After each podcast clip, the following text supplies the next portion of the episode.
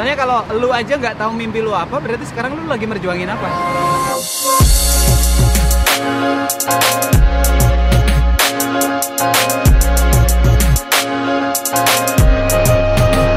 Hai teman-teman, di level apa yang kali ini kita akan lebih ke ngobrol-ngobrol, uh, talking session, inspiring session, inspiring nggak ya? Semoga. Semoga inspiring ya. Ngobrolin soal 7 tahun pertemanan kita dan apa saja yang sudah kita lalui selama 7 tahun itu yang berubah dari zaman dulu sampai zaman sekarang. Karena gue percaya uh, orang yang bareng kita dalam jangka waktu lama itu artinya dia kan tumbuh bareng kita. Dia juga yang ikut berpartisipasi dalam membangun pribadi kita. Jadi kalau bisa dibilang, misal tujuh tahun lalu gue nggak ketemu Bena, nggak ketemu Arif gitu, mungkin sekarang gue nggak di sini, gitu. mungkin Iya. di tempat lain. Entah nggak ada. Arif ya. Jadi Iya sayang, Arif lagi sibuk, kangen. eh. nggak tahu dia lagi di mana sekarang. Mungkin lagi keliling dunia atau apa udah balik Jakarta kita nggak tahu juga. Jadi mulai dari mana, Lid? Mungkin dimulai dari Dari pertemuan kali ya. Iya pasti. Uh, first impression aja kali ya. oh, first impression ini sangat penting sekali ya. Mungkin kalau ada uh, foto-foto zaman lalu mungkin akan kita coba kasih nanti ya, kita kasih lihat. kalau ada ya, mungkin gelap kali ya, nggak tahu. Jadi sejujur sejujurnya gue lupa sebenarnya gue tahu Alin itu dari mana. Intinya Gue inget, pasti dari Twitter atau dari blog akhirnya dari mana? gue inget, iya dari dari blog, dari Twitter, Ngapain gue? dari blog, maksudnya dari blog dulu kan. Tapi lu nyapa gue pertama kali itu dari Twitter. Oh dari Twitter. Gue ngomong apa? Tahu-tahu lu ngefollow gue di Twitter terus nanya, "Eh, kenalan, kenalan dong." Oke, gue suka berteman. Iya, Bena dulu tuh suka banget nyapa orang-orang gitu di Twitter, ngajakin kenalan gitu. ya udah pokoknya abis itu temenan dan segala macamnya. Seinget gue abis itu adalah gue dapet tawaran untuk ke Singapura. Iya, Tuh, dan waktu itu, is sama nih sekarang kita juga lagi trip ke Singapura. makanya Dan- kita ngomongin ini. Makanya kita ngomongin ini, bernostalgia. Dan kalau nggak salah dari penyelenggaranya mau ngajak satu orang lagi. Hmm. Gitu. Lalu gue rekomendasikan lah si Alit gitu. Dia juga blogger karena waktu itu gue masih sebagai blogger. Dia nyari satu blogger lagi. Gue ajak si Alit karena gue taunya waktu itu memang Alit aja yang eh, dia cukup dekat gitu ya. Udah akhirnya Alit berangkat dari Jogja ya. Iya, betul. Dari Jogja ke Jakarta. Terus abis itu baru berangkat ke Singapura. Nah itu pertama kalinya gue ketemu sama Alit. Jadi jemput di PIM. dijemput di Pondok Indah Mall. Nah, dan gue masih inget banget sampai sekarang. Itu gue eh, sekitar jam 6 jam 7 malam. Gue nyampe di PIM, udah gelap gitu ya. Dan gue nggak tahu waktu itu BBM atau apa gue lupa. Hmm. Kayak gue chatting-chattingan sama Alit, lihat tuh di mana gitu kan. Oh, dia nunggu di eh, lobby depan gitu ya. Gue pikir ketemu di dalam aja apa sih? Kayak malu banget di luar gitu kan. Eh, bukan di lobby, Ben. Di luar. Iya, di luar di pinggir jalan, iya di pinggir lobby. jalan ya iya tapi di luar lobi di samping gitu loh kayak gue udah datang naik mobil gue kayak melihat ada sosok sosok hitam iya, emang. Kaos hitam celana hitam. sosok hitam dengan rambut yang sangat berantakan dengan baju yang eh, seadanya mungkin ya dengan celana yang mungkin eh, lusuh atau gimana Hmm. gue ngeliat dari jauh astaga itu Halid bukannya kok gue takut Takutnya ini, nih, disamperin dikasih silet. ini nih orang yang mau gue ajak nginep di rumah gue nih hari ini gitu. karena berangkatnya besok ya udah gue pastikan lagi Halid itu beneran lo gitu kan oke beneran ya udah akhirnya ketemu Ya. terus ya udah akhirnya gue bawa ke rumah ya Iya, dan betul. waktu itu gue inget banget mungkin Halid nggak sempet ma- masuk ke Pondok Indah Mall karena lo takut ya takut karena gue takutnya kalau masuk sana itu naik eskalator bayar. Kayak jarang kali ya ngeliat eskalator ya, kasihan banget. Jadi habis itu gue aja ke rumah, gitu. Gue masuk ke rumah, ke kamar. Gue masih inget banget serius, gue masih bisa membayangkan di sini, gitu ya. Kenapa? Karena ada satu yang sangat berkesan dari Alit. Traumatis. Traumatis ya, lebih tepatnya. Itu ya, Alit masuk ke kamar gue ya, copot sepatu apa segala macam. Begitu masuk kamar, gitu ya, nyalain AC. Beberapa menit kemudian, ada bau tidak sedap. ternyata itu adalah bau kaki Alit yang ternyata sangat berkesan sampai sekarang ya. Masih apakah masih bau Lit? Alhamdulillah se- sekarang lebih rajin. Dulu ganti kaos kaki itu 6 bulan sekali sekarang udah sebulan sekali. Sebulan sekali ganti kaos kakinya oke. Jadi itu yang paling berkesan dan akhirnya ya udah sama Alit bawa ke Singapura. Dan kita waktu itu ke Universal Studio Singapura eh, sebagai blogger dan kita di treat lah segala macam. Dapat hotel dapat eh, penginapan makan enak segala macam gitu. Dan satu salah satu juga pas kita ke hotel gue inget banget Alit itu udah masuk kamarnya masing-masing. Terus dia ngobongin gue nanya Ben ini cara nyalain airnya gimana sih gitu ini gimana air panas air dinginnya gimana cara gantinya Gitu, dan- Saya waktu gue nyalain itu gue langsung mandi mau mencoba mandi nyes uh, panas banget. gue tutup lagi, gue nyalain lagi masih panas. Tutup lagi nyalain lagi masih panas. Akhirnya gue nelpon Bena pakai apa? Oh, itu dia nggak tahu cara gantinya shower yang di bawah, air yang ngocor di bawah sama yang di Yang atas. Gue mau Nah, gosok ada- gigi kesiram kepala. Kan ada tombol khususnya ya karena eh, ya agak fancy lah waktu itu barang. Udah terus juga pas lagi makan juga sama media-media lainnya bule-bule segala macam. terus kayak lagi makan gitu ya. Makan buffet gitu ya. Alit gua ngambil dengan rapi, Alit ngambilnya segambreng gitu ya, porsi kuli, porsi kuli banget. Dimakan terus, kayak dia "Eh." di depan semuanya dan sunyi senyap tiba-tiba kayak. Lit, gua kayak salah bawa orang nih.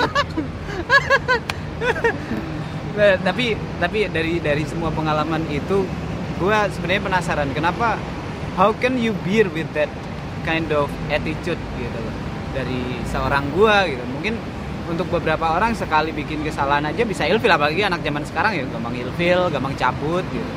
Kenapa lu bisa kuat ya karena apa ya gue sebenarnya bukan berarti gue milih-milih orang atau gimana ya karena gue melihat sisi positifnya aja sih gitu. Maksudnya kenapa gue milih Alit kan juga karena gue tahu blognya gue tahu apa yang dia tulis ya kira-kira orangnya seperti apa Hmm. gitu. Dan ya udah saat itu memang gue merekomendasikan dia dan dia dipilih juga. Ya sebenarnya itu adalah proses untuk gue mengetahui Alit sebenarnya orangnya seperti apa gitu loh. Gue nggak tahu dia baik atau jahat pun gue nggak tahu ya sebenarnya pertemuan itulah gitu. Kita trip kita ke Singapura tuh jadi tahu sebenarnya kita gimana sih Alit orangnya kayak gimana sih? Tuh, baik apa enggak gitu? Kampungan atau enggak gitu? Iya ternyata gitu. Iya. ya udah jadi trip itu adalah trip yang eh, bersejarah sekali dan dan akhirnya untuk satu atau dua tahun ke depan kita diundang lagi di tempat yang sama event yang eh, cukup berbeda di tempat yang sama masih di Resort Sentosa ya. Kita ada beberapa fotonya dan ada videonya ya. Ada Iya. vlog pertama banget kayak vlog pertama tahun 2010 2011 kita udah bikin vlog. Pakai iPhone 3GS ya pakai iPhone dengan aplikasi yang sangat norak. Ya kira-kira cuplikan videonya dan fotonya kayak gini. Kita lihat kita lihat apakah Alif berhasil? Pakai Yo. Eksekutif ya kita eksekutif. Jadi nggak perlu ngantri nggak perlu ngantri. Langsung ya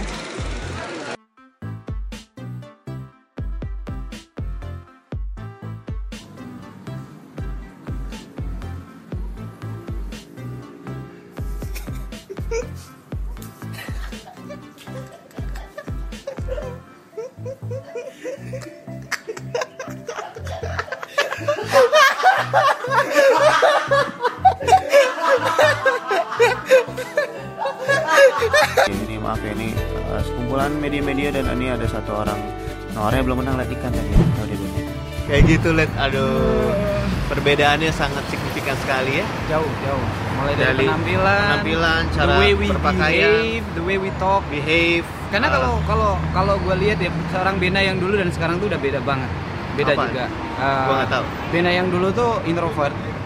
Pasti. Memang masih cukup introvert. Kedua yang paling parah itu adalah susah berkomunikasi susah banget pak padahal kita dulu udah sering ngisi seminar bareng gitu bagian Bena itu paling dikit ngomong why tapi setelah gue perhatian tujuh tahun kemudian sampai sekarang Bena ngomong depan kamera udah enak banget Ya Hai bla bla bla bla bla poin poin poin poin poin Hmm. kalau kalau dulu tuh Thinker. belum kalau dulu tuh masih "Eh, hari ini eh, eh." jadi orang yang Iya. mau nonton aja lalu lu aja kayak masih bingung sama yang mau lu ngomongin apalagi kita gimana kita mau yakin gitu. but that's the process gitu itu yang ya seru banget dijalanin dan jadi pengalaman hidup dan ya sekarang kita jadi berasa seru aja ngomongin perbedaan kita zaman dulu zaman sekarang ternyata alhamdulillah ada perbedaannya ya and it's Iya. getting better lah getting better that's the best part memang Heeh. Eh, salah satunya yang yang gue belajar dari Bena maupun Arif adalah how to live in that Jakarta City Iya, Alit waktu itu memang baru eh, nekat lah ya. Bisa Nekat. bilang nekat pindah Karena sebelumnya kan gue bilang kan, gue tuh orang yang anti hidup di Jakarta atau kota metropolitan. Gue nggak mau isinya orang individual. Iya, akhirnya nekat ke Jakarta, terus eh, nyari kosan segala macem lah gitu. Terus ya, ya udah akhirnya mencoba untuk hidup di Jakarta seperti apa dengan adanya. Dan gue inget banget itu awal-awal hidup di Jakarta, gue nggak punya kendaraan untuk ngantor. Gue dipinjemin sepeda fiksi sama Bena. Hah? Lu lupa. Nggak Sepeda tahu gua. fiksi putih, bannya merah, gue masih inget. Itu gue pakai ngantor di Jakarta selama setahun. Tiap pagi ngantor pulang pergi naik sepeda itu. Itu dipinjemin sama Bena. That's the struggle ya. That's the struggle, iya beneran dengan gaji seadanya hidup di Jakarta sederhana banget gitu ya. Kalau gue nginget-nginget kayak gitu tuh, ya ampun. Tujuh tahun yang lalu gue tiap pagi itu cuman naik fiksi loh. Sekarang tiap pagi gue naik Triumph, oke gitu. Naik moge sekarang. Dalam tujuh tahun. Dan itu semua nggak akan terjadi tanpa proses panjang di mana ada uh, andil sahabat-sahabat gua gitu. Sahabat itu beda ya zaman dulu sama sekarang. Sekarang tuh sahabat itu gunanya untuk pansos kayaknya. Kalau zaman dulu sahabat itu beneran negur gitu. Gue gue paling sering ditegur. Gue sangat tahu itu. Gue sangat yakin itu. Karena emang dulu gue tuh anaknya tuh liar banget. Ya maklum uh, berawal dari kampung terus hidup di jalan gitu. Kenal duit. Ken, baru kenal duit gue gila gue bangun tidur ya Ben waktu itu uh, Ben Bim yuk ngapain beli iPad beli iPad habis beli iPhone beli iPad hmm. Hmm, gila. Abis Udah. itu besoknya Ben nggak punya duit. tapi ya udah maksudnya uh, gue nggak menyalahkan juga tapi ya itulah prosesnya gitu yang akhirnya ya mungkin sekarang dulu kayak gitu sekarang udah bisa lebih memanage uang gitu. Meng-highlight yang Alit bilang proses panjang iya. jadi memang ini video ini mungkin nggak akan bisa dibikin kalau kita baru satu tahun atau dua tahun doang nggak bisa gitu. Karena ya prosesnya panjang banget gitu ya. Minimal ya sekarang itu tujuh tahun baru bisa kelihatan gitu perbedaannya dulu dan sekarang. Karena proses panjang itu yang akhirnya dari experience yang udah kita alamin pengalaman kerja pertemanan segala macam itu yang membuat kita terbentuk menjadi seorang yang sekarang Betul. Eh, apalagi untuk orang-orang yang awalnya orang biasa aja terus sampai akhirnya bisa dikenal walaupun di dunia digital ya. Star syndrome itu pasti ada dan itu Iya. dan kita pun ngalamin ya kita ngalamin, ngalamin. sampai akhirnya berantem satu sama lain karena kita merasa punya power masing-masing Iya. lebih besar dari satu sama lain dan itu sebenarnya gue temuin juga di anak-anak generasi sekarang gitu. Gimana mereka baru mulai populer gitu di sosial media. Dari hal sekecil gini deh bang Alit bagi nomor lu dong. Gue kasih nomor gitu. Nggak maksud gue lu catat nomor gue ntar lu sms gue ya. Who you are gitu. Lu lu lu minta gue tapi gue yang harus effort untuk nyatet nomor lu dulu terus ngomongin lu. Oke. Detail sekali ya Lid ya.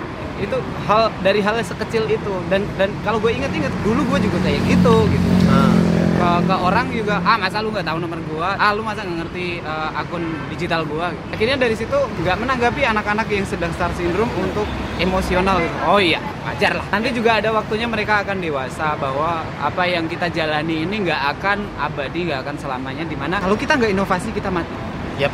Itu yang gue Adapt or die iya. in this digital world iya Right. Dan gue sedikit ngomongin tadi soal star syndrome. eh, yang menurut gue ya, menurut gue, gue Alit Arif pada saat itu eh, kita cukup bisa menghandle star syndrome. iya Cukup bisa menghandle, maksudnya tidak terlalu lama gitu loh. Kita merasakan seperti itu. Kenapa? Karena prosesnya gitu loh. Karena kita proses untuk mencapai suatu titik tertentu itu cukup lama.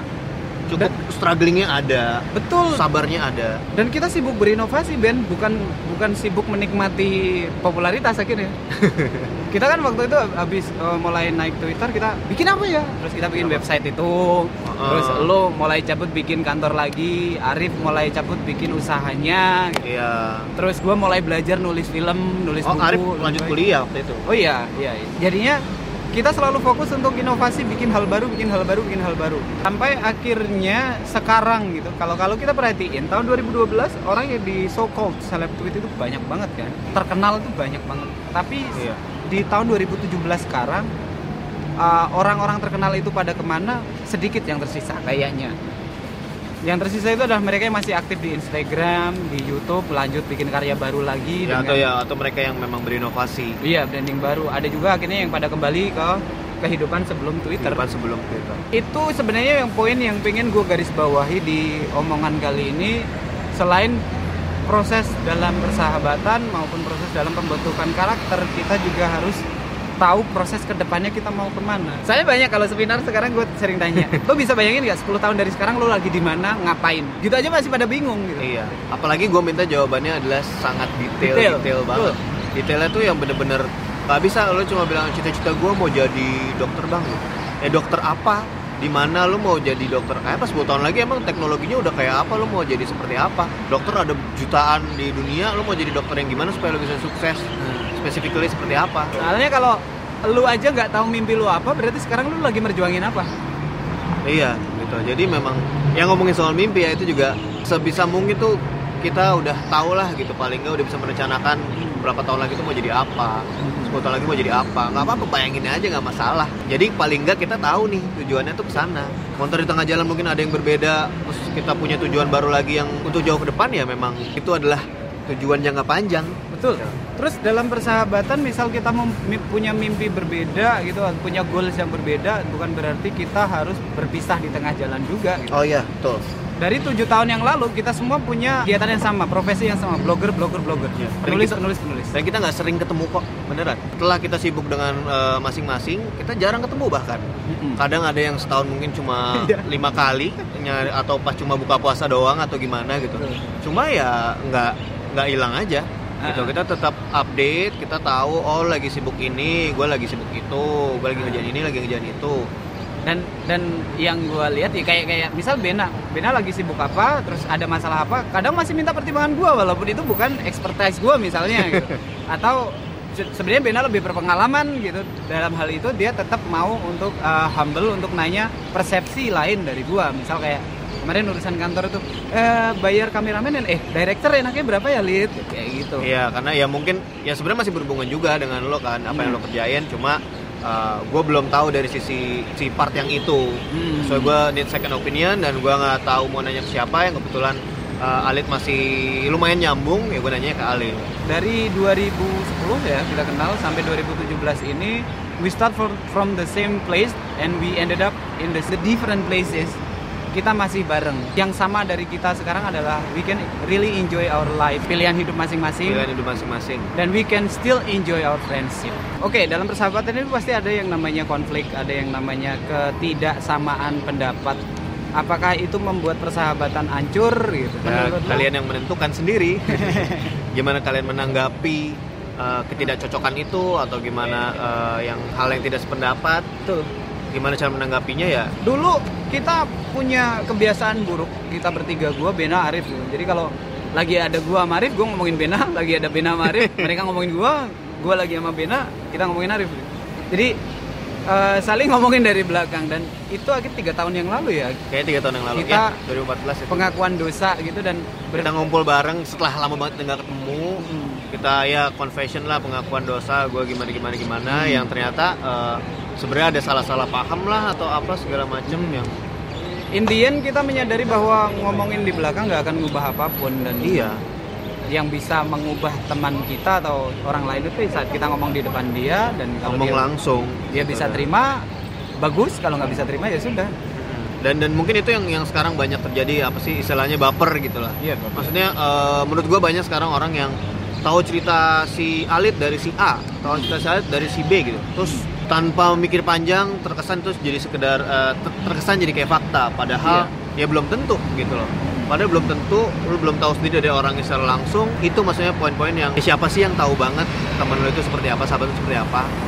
Dan kalau ada omongan dari orang lain ya justru ya coba dibuktikan lah apakah itu benar atau enggak sih selalu Ada nggak sahabat cross check. kayak gitu? intinya kalau buat gue sih konflik itu bukan alasan untuk pecah melainkan uh, membangun kita. Karena konflik itu terjadi karena ada resisten dari kita. Saat ada orang ngomongin tentang keburukan kita kita resisten dengan hal itu gitu. Kita menolak kita deny gitu. Itu akan jadi konflik. Kita akan jadi wah gua, lu, lu, lu kok gitu sih sama gue padahal kan harusnya nggak gitu. Kita harus uh, mengaca apa yang dia omongin bener atau enggak. Kayak kayak kayak dulu uh, Bena tuh pernah bilang ke gua "Ah, lu lu tuh nggak nggak bisa diatur banget ya lu diajak ke sini nih ke Singapura waktunya jalan lu malah tidur lihat Iya, bangunnya telat. Iya. eh, berangkatnya telat atau apalah tidurnya lama segala macam gitu. terus Ya dulu kayak gitu. Ya itu gue sempet kesel juga pas pertama Singapura gitu. Cuma ya ternyata sekarang ya udah berubah belum ya? Cukup lah, lumayan.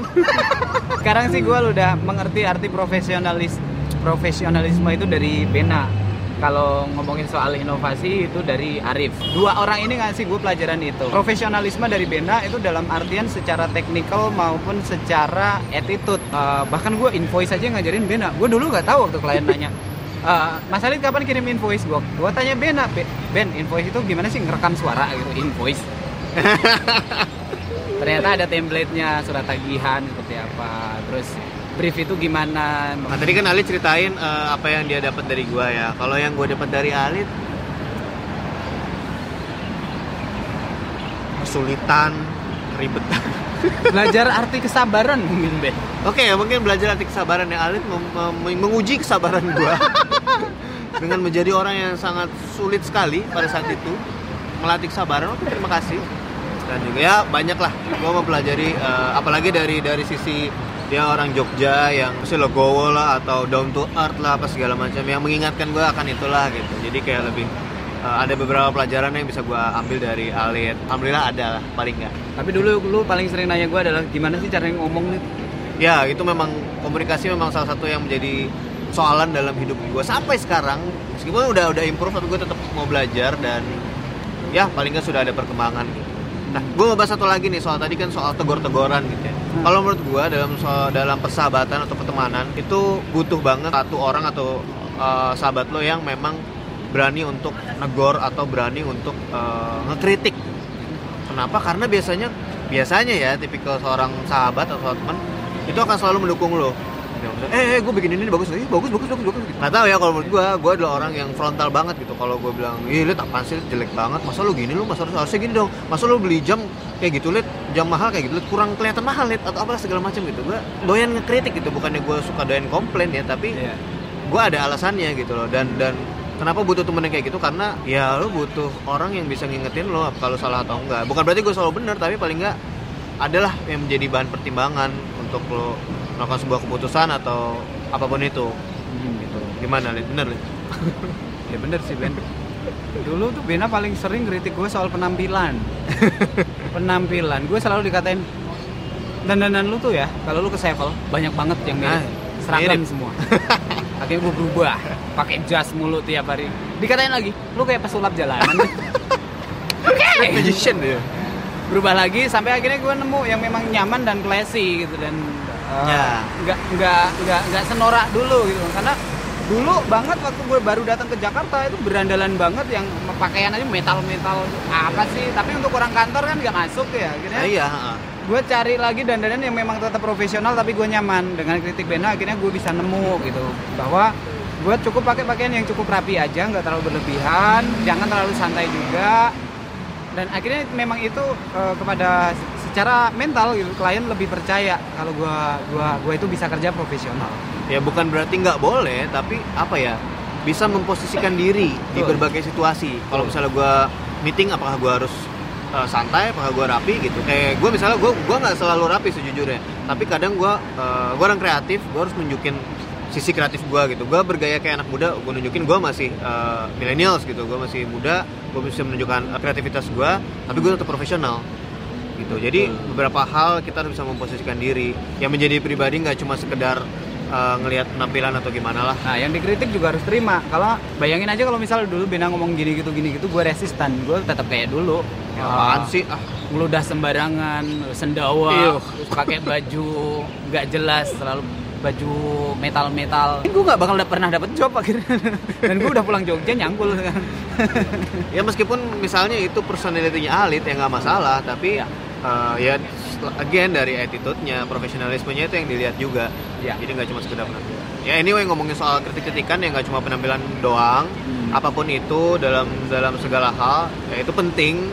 Karena ya itu tadi intinya adalah supaya kita sesama teman bisa saling berkembang gitu loh. Nggak cuma uh, asal dukung aja tapi uh, yang ngasih tahu lah sebenarnya ini saat dia uh, bertanya pendapat apakah beneran bagus kah atau beneran jelek kah atau apa segala macam itu yang uh, sangat penting sekali karena biasanya sahabat itu selalu menjadi uh, second opinionnya. Betul. second Dan opinion dari kita. sahabatan itu nggak semudah dengan lu nggak cocok lalu cabut cari sahabat baru nggak cocok cabut cari sahabat baru. Karena kalau polanya kayak gitu lu nggak akan punya kenangan. Karena semua cepat terganti. Dan kalau kayak gua sama Bena gitu kita ngomongin dari nol dah. Gua, gua mau ngomongin soal jam mahal lah. Bena tinggal ngomong Elah inget aja 7 tahun yang lalu jam lu tuh beli di Vivo 10 dolar doang. Kayak gitu jadi kita akan punya kenangan yang epic kalau kita udah bareng lama jadi sahabat itu bukan kayak pakaian lu bosen ganti bosen ganti By the way, gue ada ada sedikit idea buat kalian di rumah gitu ya. Sebenarnya ini gue belum lakukan sama Ali, tapi gue pernah lakukan sama beberapa sahabat gue yang lainnya, ya. Jadi ini namanya adalah, gue menyebutnya time capsule project. Jadi gue dulu sempat bikin gini, gue ngerekam video tentang situasi kita sekarang, ini sekedar ngobrol aja lo sekarang eh, kerjanya gimana, eh, situasinya gimana, sekarang sibuk apa segala macem. Tapi kita lakukan setahun sekali. Misalnya gini, tahun ini kalian gitu ngumpul sama sahabat-sahabat, kalian rekam, eh apa segala macam lo sibuk apa bla bla bla bla bla bla bla keadaannya. Lalu di tahun depannya di tanggal yang sama kalian tonton lagi video tersebut. Dan rekam lagi untuk ditonton lagi di video berikutnya. Jadi kalian akan mengetahui kalian sama sahabat kalian itu apa sih perbedaannya? Oh gue dulu begini sekarang jadi begini dan targetnya untuk tahun depan apa? Gini gini gini ternyata pasti tahun depannya tercapai atau enggak gitu. Itu itu menurut gue sesuatu yang menarik untuk kalian bisa lakukan sama teman-teman kalian sama sahabat kalian. Yang jadi kalian paling enggak setiap satu tahun eh, atau boleh tiga tahun atau boleh lima tahun paling nggak kalian sudah punya agenda untuk ketemu bareng untuk menonton video tersebut. Dan bakal jadi menarik banget untuk saling introspeksi diri dan saling mengingat dulu tuh gue gimana sih sekarang gue gimana sih apakah gue sekarang sombong atau gue sekarang uh, berbeda dari pribadi yang sebelumnya gitu aja sih ada teman lagi dari Alit Kalau gua gua sebenarnya juga ngelakuin hal yang serupa. Namanya arisan teman. oke Jadi gua gua catat nama-nama teman yang eh, pernah dekat ataupun masih dekat. Gua kocok tiap bulan gitu terus gua cek yang luar siapa, gua kontak biasanya. wow menarik Ngopi sekali atau apa. Jadi tetap ada ketemu. tetap silaturahmi ya tetap jaga silaturahmi oke Karena kadang kita lupa saking banyaknya friend list gitu ya. Iya, Mana sih gitu. yang sering ketemu dan enggak?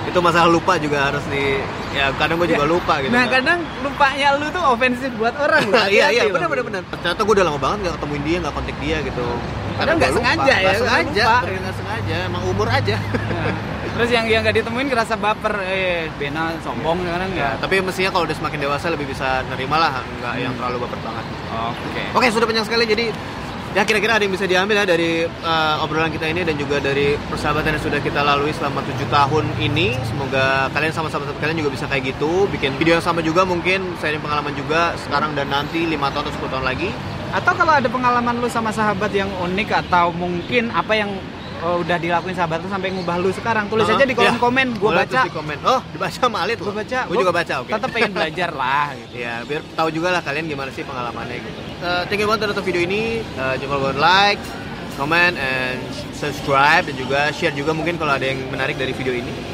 Thank you udah nonton, thank you Alit. Sampai jumpa lagi di Jakarta. Sampai jumpa.